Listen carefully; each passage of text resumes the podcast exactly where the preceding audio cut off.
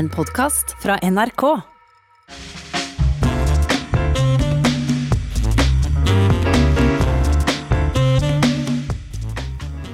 Vi skal begynne dagens sending med å snakke om en jubilant. For i morgen er det 75 år siden FN ble stifta.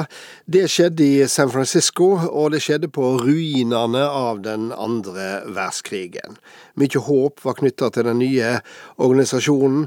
Endelig skulle det bli fred å få for ei mørbanka vær, men slik ble det nok ikke. Det er blitt mange tapte illusjoner i løpet av disse åra, men også mye godt arbeid som har gjort verden bedre. Så velkommen til dere to, Hilde Frafjord Jonsson og Tove Gravdal. Takk skal du ha. Det er to framifrå kjennere av FN jeg har fått med meg til denne samtalen. Eh, du, eh, Hilde Frafjord Jonsson, har vært både FNs spesialutsending til Sør-Sudan og Unicefs eh, visedirektør. Du har også bak deg over 20 år som utviklingsminister i de to regjeringene Kjell Magne Bondevik leia. Og Tove Gravdal, du er en journalist og forfatter som har fulgt FN tett i mange år. Og senest i mars eh, kom boka di 'Til bords med de mektige', eh, historien om Norge og FNs sikkerhetsråd. Og hva skal vi si om morgendagens jubilant? Skal vi gratulere eller kondolere, Hilde Frafjord Jonsson? Nei, Vi skal definitivt gratulere. Eh, det er det ingen tvil om. Det er klart at FN eh, blir aldri mer enn det vi alle verdens medlemsland gjør organisasjonen til. Eh, men eh, verdens medlemsland har brukt FN til veldig mye bra. Eh, og det er ikke minst eh, på det humanitære området vi ser eh, at FN har betydd veldig mye i forhold til humanitære operasjoner. men også i epoken på 90-tallet med fredsbevarende operasjoner, der har det vært eh, fantastiske resultater både med Mosambik, Sierra Leone og Liberia, som har kommet seg ut av krig og elendighet og fått et land relativt godt på fote. Og det er takket være innsatsen til FN. Så det er mange positive ting å vise til. Eh, men det er klart, eh, når stormaktene på en måte bites og ikke vil samarbeide, så lider selvfølgelig FNs sikkerhetsarbeid. Hva sier du, eh, Tove Gavdal? Det er verdt å gratulere FN, fordi eh, FN er jo på mange måter et avvik i verdenshistorien. Vi har hatt 75 år uten krig mellom stormaktene. Og atommaktene sitter sammen i FNs sikkerhetsråd og snakker sammen. Bare det er jo, en, er jo betryggende, gitt alternativet. Og det, det, er viktig nå ved 75-årsjubileet å peke på hvordan FN ble skapt, og, og hvor, hvor, mirakuløst på mange måter det var at FN i det hele tatt ble etablert. For husk at eh, USA, som jo er FNs garantist, og, og som fant opp FN på mange måter, det var jo president eh, Roosevelt under krigen som hadde ideen til FN. Ja, Og selve navnet Forente nasjoner var vel også Franklin D. Roosevelt som forma i 42? Ja, han hadde den ideen i romjula 1941, i forkant av at de allierte landene som kjempet mot Hitler, skulle signere en felles erklæring i Washington 1. Eh, og 2. januar. Norge var med for øvrig og signerte denne første erklæringen av De forente nasjoner. Og på denne tiden, fortsatt da, i 1941-42, var USA fortsatt preget av isolasjonisme og av uh, uvilje mot å gå inn i krigen. Så var det først Pearl Harbor-angrepet i desember 41 som fikk USA inn i krigen. Så snudde dette i løpet av krigen, og i 1945 så hadde Roosevelt, som da døde i april, og Truman fikk da støtte i Kongressen til uh, å, å, etablere FN, og, og Kongressen ratifiserte uh, FN-pakten. Men Hva mener du med at FN er det store unntaket i verdenshistoria? Fordi, eh, og da er jo USA det beste eksempelet. fordi eh, det er ikke noe selvfølge at USA tar denne lederrollen på verdensarenaen for å forsvare det vi kaller den liberale verdensordenen, som består av et internasjonalt samarbeid som bygger på felles regler som vi alle skal følge, og som gjør at vi kan samarbeide i stedet for å gå til krig mot hverandre. Og Det er en norsk vinkling på, på, som kan illustrere hva som skjedde i USA den gangen. Fordi en av de to, bare to senatorer som stemte mot FN-pakten i juli 1945, den ene av dem han snakket telemarksdialekt. Han het Henrik Skipsted, og han hadde vært valgt inn fra Minnesota siden 1923. Og han var mainstream utenrikspolitiker i USA før krigen. Han var da en av to som stemte mot eh, FN-pakten, og det ble hans politiske død. Året etter ble han ikke gjenvalgt til eh, Senatet. Og Det illustrerer på en måte den endringen som foregikk i USA i løpet av krigen. Da var man villig til å gå inn i dette forpliktende internasjonale samarbeidet for å ivareta verdensfreden. Men uh, Hilde Frafjord Jonsson, hvis du ser på dagens situasjon og ser på Sikkerhetsrådet, hvis en kan si at det der der FNs eh, hjerte ligger, i hvert fall på maktsida, så ser en vel en liten vilje til å bruke FN fra stormaktenes side? Det er klart, Gjennom den kalde krigen hadde vi en veldig fastlåst situasjon i Sikkerhetsrådet fordi stormaktene ikke ville samarbeide. Eh, vi var gjennom et tøvær gjennom hele 90-tallet og langt inn i 2000-tallet. Eh, egentlig inntil bare for få år tilbake var det mulig å få til gode samarbeidsløsninger i Sikkerhetsrådet. Og, og man så stormaktene samarbeide. Nå er man tilbake i en ganske krevende situasjon hvor ikke Sikkerhetsrådet nødvendigvis er paralysert, men det nærmer seg en situasjon hvor uh, de setter sine egne strategiske interesser veldig klart foran uh, felles løsninger. Og Det gjør det veldig vanskelig å få til ting i Sikkerhetsrådet. Det merker vi nå, og det ser man i konflikt etter konflikt. I tillegg så er jo regionale stormakter fått mye større betydning enn før. Og balansen mellom de ulike stormaktene eh, er eh, også veldig annerledes enn tidligere. Så det er ikke sånn som det var i den kalde krigen. Så det å kjøre en parallell, som jeg ser mange observatører gjør, det er ikke helt riktig. Eh, det er veldig annerledes nå, men det er veldig krevende. Og så vil jeg bare ha nevnt at Vi må også komme inn på den normgivende funksjonen til FN hvis vi skal snakke om de 75 årene, men det regner jeg med du har på plakaten. Ja, det går i hvert fall fort unna. Så spørsmålet er hvor langt vi, vi, vi kommer. Men den beste gaven til en presset jubilant blir trolig ettersendt 3.11, skrev Vårt Lands Geir Ove Fond denne veka, og tenkte selvsagt på et mulig presidentskifte i USA. Og Tove Gravdal, er det sånn at USA er helt sentral for og i FN? Ja, det er det helt klart. Eh, det, jo, det var gode grunner til at FN-pakten ble fremforhandlet i San Francisco, og at FNs hovedkvarter ble lagt til New York, nettopp for at man skulle være sikker på at USA var om bord. Og i motsetning til eh, det som skjedde med Folkeforbundet, som ble etablert etter den første verdenskrigen, hvor USA endte opp med å ikke bli med i det hele tatt.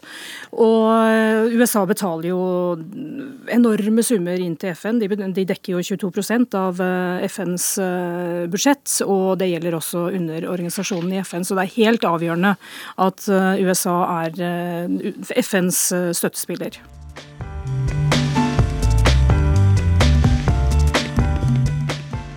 Ja, vi sitter fremdeles her i studio og snakker om eh, 75-årsjubilanten eh, FN. Eh, ofte så snakker vi jo ut ifra et vestlig perspektiv. Eh, men eh, Hilde Frafjord Jonsson, du er ikke bare født i Tanzania, du har også arbeidet mye i Afrika. Og Hvordan ser FN ut derfra? FN har uh, hatt en veldig høy standing i uh, på kontinentet, altså i Afrika, men også i mange andre utviklingsland. Uh, og en har sett på organisasjonen som en viktig på en måte solidaritetsorganisasjon. Men en har også sett mye større tegn de siste årene til at også her stilles det mer spørsmålstegn ved FNs evne til å levere, ved at FN kommer utenfra og på en måte hever pekefingeren osv. i forhold til menneskerettigheter og sånn. Så det er nok en del spenninger i forhold til spesielt ledere som har mer autoritære trekk. Eh, og så argumenteres det da med at eh, det er et vestlig påfunn. Det stemmer jo ikke helt. Altså, jeg hadde lyst til å bare fremheve på 75, foran 75-årsdagen i morgen at FNs normgivende funksjon, altså menneskerettighetskonvensjonene, er, er FN-konvensjoner og er kjempeviktige. Det samme har vi på fattigdomssiden med tusenårsmål og bærekraftsmål. Det er en utrolig viktig normgivende funksjon. Noe å strekke seg opp etter for hele verdenssamfunnet. Og menneskerettighetene ble jo født frem i en eh, Eh, prosess hvor det var representanter fra alle verdens kontinenter. Helt klart litt mer dominert av vestlige land, men de hadde alle verdens religioner representert. Så det er et globalt rammeverk. Vi har jo eh, ofte lett også for å snakke om eh, Sikkerhetsrådet og det storpolitiske spelet der når, når FN kommer på tale. Eh, men vi bør vel også innom og minne om særorganisasjonene, altså de spesialiserte organisasjonene som under FN-paraplyen tar hånd om internasjonalt samarbeid på, på, ulike fagområder. I disse dager er vel Verdens helseorganisasjon best kjent, men vi har jo ILO for arbeidsliv, UNESCO for utdanning, IMF for valutasamarbeid, for å, for å nevne noe. For rolle spiller disse, Tove Gavdal? Veldig viktig rolle, og jeg er glad for at du tar opp det. fordi eh, der spiller jo kanskje FN en enda viktigere rolle enn det de gjør gjennom eh, Sikkerhetsrådet. Eh, F.eks. så finnes det en organisasjon som heter FNs havbunnmyndighet. De sitter nå og forhandler om grensene i havet, hvilket er enormt interessant. Fordi rundt 50% av verdens havbunn er ikke eid av noe land, men der finnes det mineraler som helt, vil være helt nødvendige nødvendige i fremtiden for menneskeheten, som brukes i mobiltelefoner osv. Så, videre. så det foregår allerede en kamp om tilgang til de ressursene. Og det er altså en FN-organisasjon hvor landene da møtes for å trekke de grensene i havet, og som vil være veldig avgjørende. Du har en annen organisasjon som behandler patenter på forskjellige typer varer, og det arbeidet i FN det er veldig, veldig viktig. Eh, du var jo visedirektør i Unicef, FNs barnefond, Hilde Frafjord Jonsson. Det, en, det er vel også en veldig viktig organisasjon? Ja, Det er vel eh, etter eh, Verdens matvareprogram, som tildeles Nobelprisen om ikke så altfor lenge, den største FN-organisasjonen. Det er liksom de tre, FNs utviklingsprogram, Unicef og Verdens matvareprogram, som sammen er de tre største tungvekterne innenfor det som på en måte er FNs solidaritetsarbeid, altså utviklingsarbeid og humanitære operasjoner. Og det er en utrolig viktig også forvalter eh, av eh, konvensjoner. Så Barnekonvensjonen er jo Unicefs mandat. Og det å bidra til å passe på at Barnekonvensjonen følges, og bidra til at land støttes til å kunne realisere alle rettighetene for barn er et kjempeviktig globalt arbeid. La oss, eh, la oss, være litt nærsynte og snakke om Norge og FN. Vi fikk jo den første generalsekretæren i Groruddølen, Trygve Lie, og siden har vi i grunnen vært FN-lojale, Tove Gravdal. Ja, og den nåværende regjeringen sier jo at det å ivareta dette multilaterale systemet, som FN er den eh, fremste eksponenten for, er, i Norges, fremste, er Norges viktigste utenrikspolitiske interesse. Eh, så FN er enormt viktig for Norge, og det at vi har brukt så mye ressurser på en plass i Sikkerhetsrådet nå fra nyttår, det er nok et eksempel på det. Eh, og for Norge vil det være ganske alvorlig dersom FN skulle forvitre og ikke overleve f.eks. fire nye år med Donald Trump. Men, men er vi litt for uh, FN-naive? Tillegger vi FN ei for stor rolle i, i, i, i maktpolitisk vær? Jeg opplever ikke at eh, norske eh, aktører er så naive. I Forsvaret er de kanskje i overkant kyniske når det gjelder FN. Hvor de Å nei, nei, nei, alt det der som foregår i FN-regi, det betyr ingenting. Det er bare Nato som gjelder. Eh, og det er en viss motvilje i Forsvaret mot å gå inn i FN-operasjoner. Og det er kanskje å hva, hva de fredsbevarende operasjonene i FN-regi faktisk får til. Men den politiske retorikken kan jo fremstå som naiv noen ganger, men jeg tror i den praktiske politikken så vet man hvor eh, knallhardt det er å få til eh, det Norge ønsker gjennom eh, FNs organisasjoner. Hilde Frafjord Jonsson, FNs framtid. Vil vi snakke om FN om nye 50 år? Ja, det tror jeg vi vil. Eh, hvor mektig FN er, hvor mye innflytelse den har, eh, og i hvilken grad FN er i stand til å levere på de grunnleggende eh, både normgivende funksjonene og videreutvikling av det internasjonale regelverket og systemet, som Tove Gravdal er inne på, det gjenstår å se. Og det har rett og slett med stormaktenes vilje til å samarbeide innenfor et internasjonalt multilateralt system. Og Jeg er enig i Tove Gravdals vurdering at uh, her vil faktisk de neste fire årene uh, være ganske viktige for hvorvidt vi vil se et FN som på en måte blir styrket uh, framover og kan ha liksom nok makt eh, framover til å bygge videre på, på, sin funksjon og sin rolle i det multilaterale systemet, eller om organisasjonen vil få en mindre og mindre betydning. Vi har sett de siste fire-fem årene at det har, er faretruende signaler her. Eh, og det er veldig bekymringsfullt. Eh, så det jeg virkelig håper, er at stormaktene nå forstår hvor viktig dette rammeverket er. Ikke bare for det globale systemet, men også for dem. Fordi det setter eh, et regelverk vi alle må følge etter. Og med det håpet så sier jeg tusen takk til dere to, Hilde Frafjord Jonsson og Tove Gravdal. Og jeg kan jo nytte høvet til å beklage at jeg for en måned siden snakka om FN-jubileet som om datoen var 24.9, ikke oktober som rett er. Og så runder jeg av med min faste kommentar. Her er denne vekas Stang inn, stang ut. Drapet på den franske læreren Samuel Paty bør og skal skake oss. Ja, skake oss heilt inn i sjela. For drapet syner fram fanatismens uforsonlighet, den islamske fundamentalismens bestialske ansikt og et frontavsnitt der det ikke finnes rom for dialog. For det finst knapt ei viktigere oppgåve enn å lære den oppveksende slekt om ytringsfridommen, og om de dilemma som ekte ytringsfridom bærer i seg. På et vis har vi sett det som noe sjølsagt at slikt har sin plass også i klasseromma. Drapet på Samuel Parti viser at det er det slett ikke. For vi har grupper i landene våre som nekter å erkjenne at i åpne og demokratiske samfunn er det ei fordømt plikt å tåle andre meninger og ytringsformer enn de en sjøl liker. Slik åpner det seg en avgrunn mellom fanatiske islamister og det demokratiske tankesettet, der ytringen har sin sjølsagte plass. Her er det ikke rom for kompromiss. Det er ikke nå vi kan nytte dialogens viktige reiskap, for nå dreier det seg om å sette ned de stolpene som skal verne demokratiet for framtida. Det er selvsagt ikke noe krav at alle skal like alle ytringer.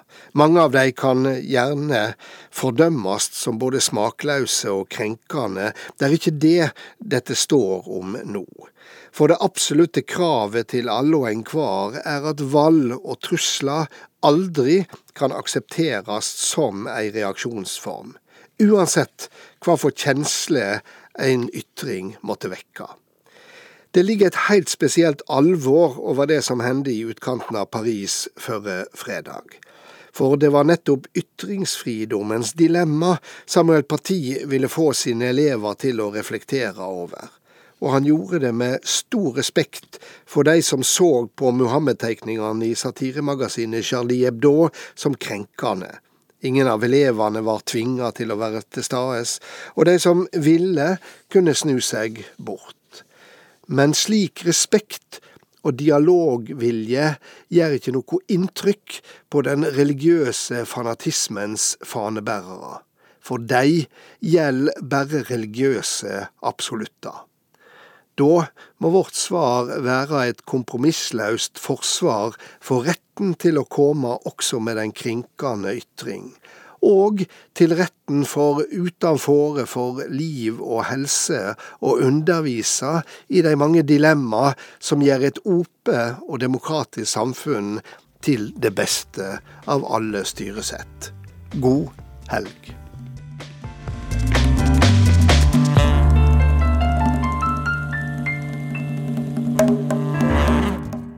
Du har hørt en podkast fra NRK. Hør flere podkaster og din NRK-kanal i appen NRK Radio.